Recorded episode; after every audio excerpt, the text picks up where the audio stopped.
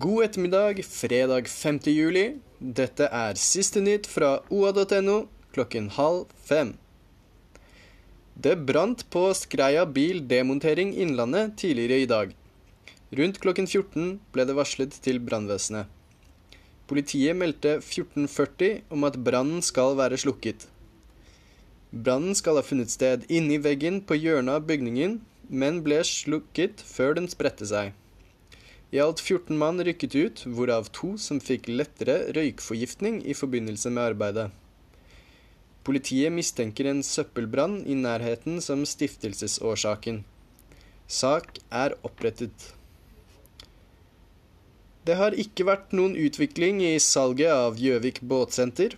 Båtsenteret har vært til salg siden jul, men daglig leder Bjørn Engebretsen forblir håpefull om fremtiden i Bråstadvika. Det må være noen som ser potensialet i båtsenteret, og som kan bygge videre på det som har blitt gjort i løpet av 15 år, sa han til OA. Politiet mener den tidligere Gjøvik-bosatte sønnen knivdrepte foreldrene og plasserte dem i garasjen.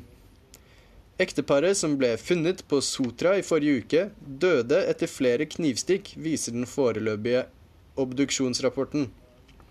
Den 40 år gamle sønnen som er siktet i saken, var tidligere bosatt på Gjøvik. Tarmlege Øystein Hovde har laget en fordøyelsespark i hagen bak huset. Ja, du hørte riktig. Gastroenterologen hadde nemlig en ubrukt skråning bak huset og bestemte seg for å gjøre noe moro.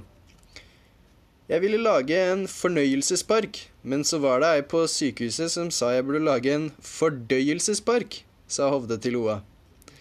Videoen kan du se på oa.no. Dette var siste nytt med OA. Ha en fortsatt fin ettermiddag.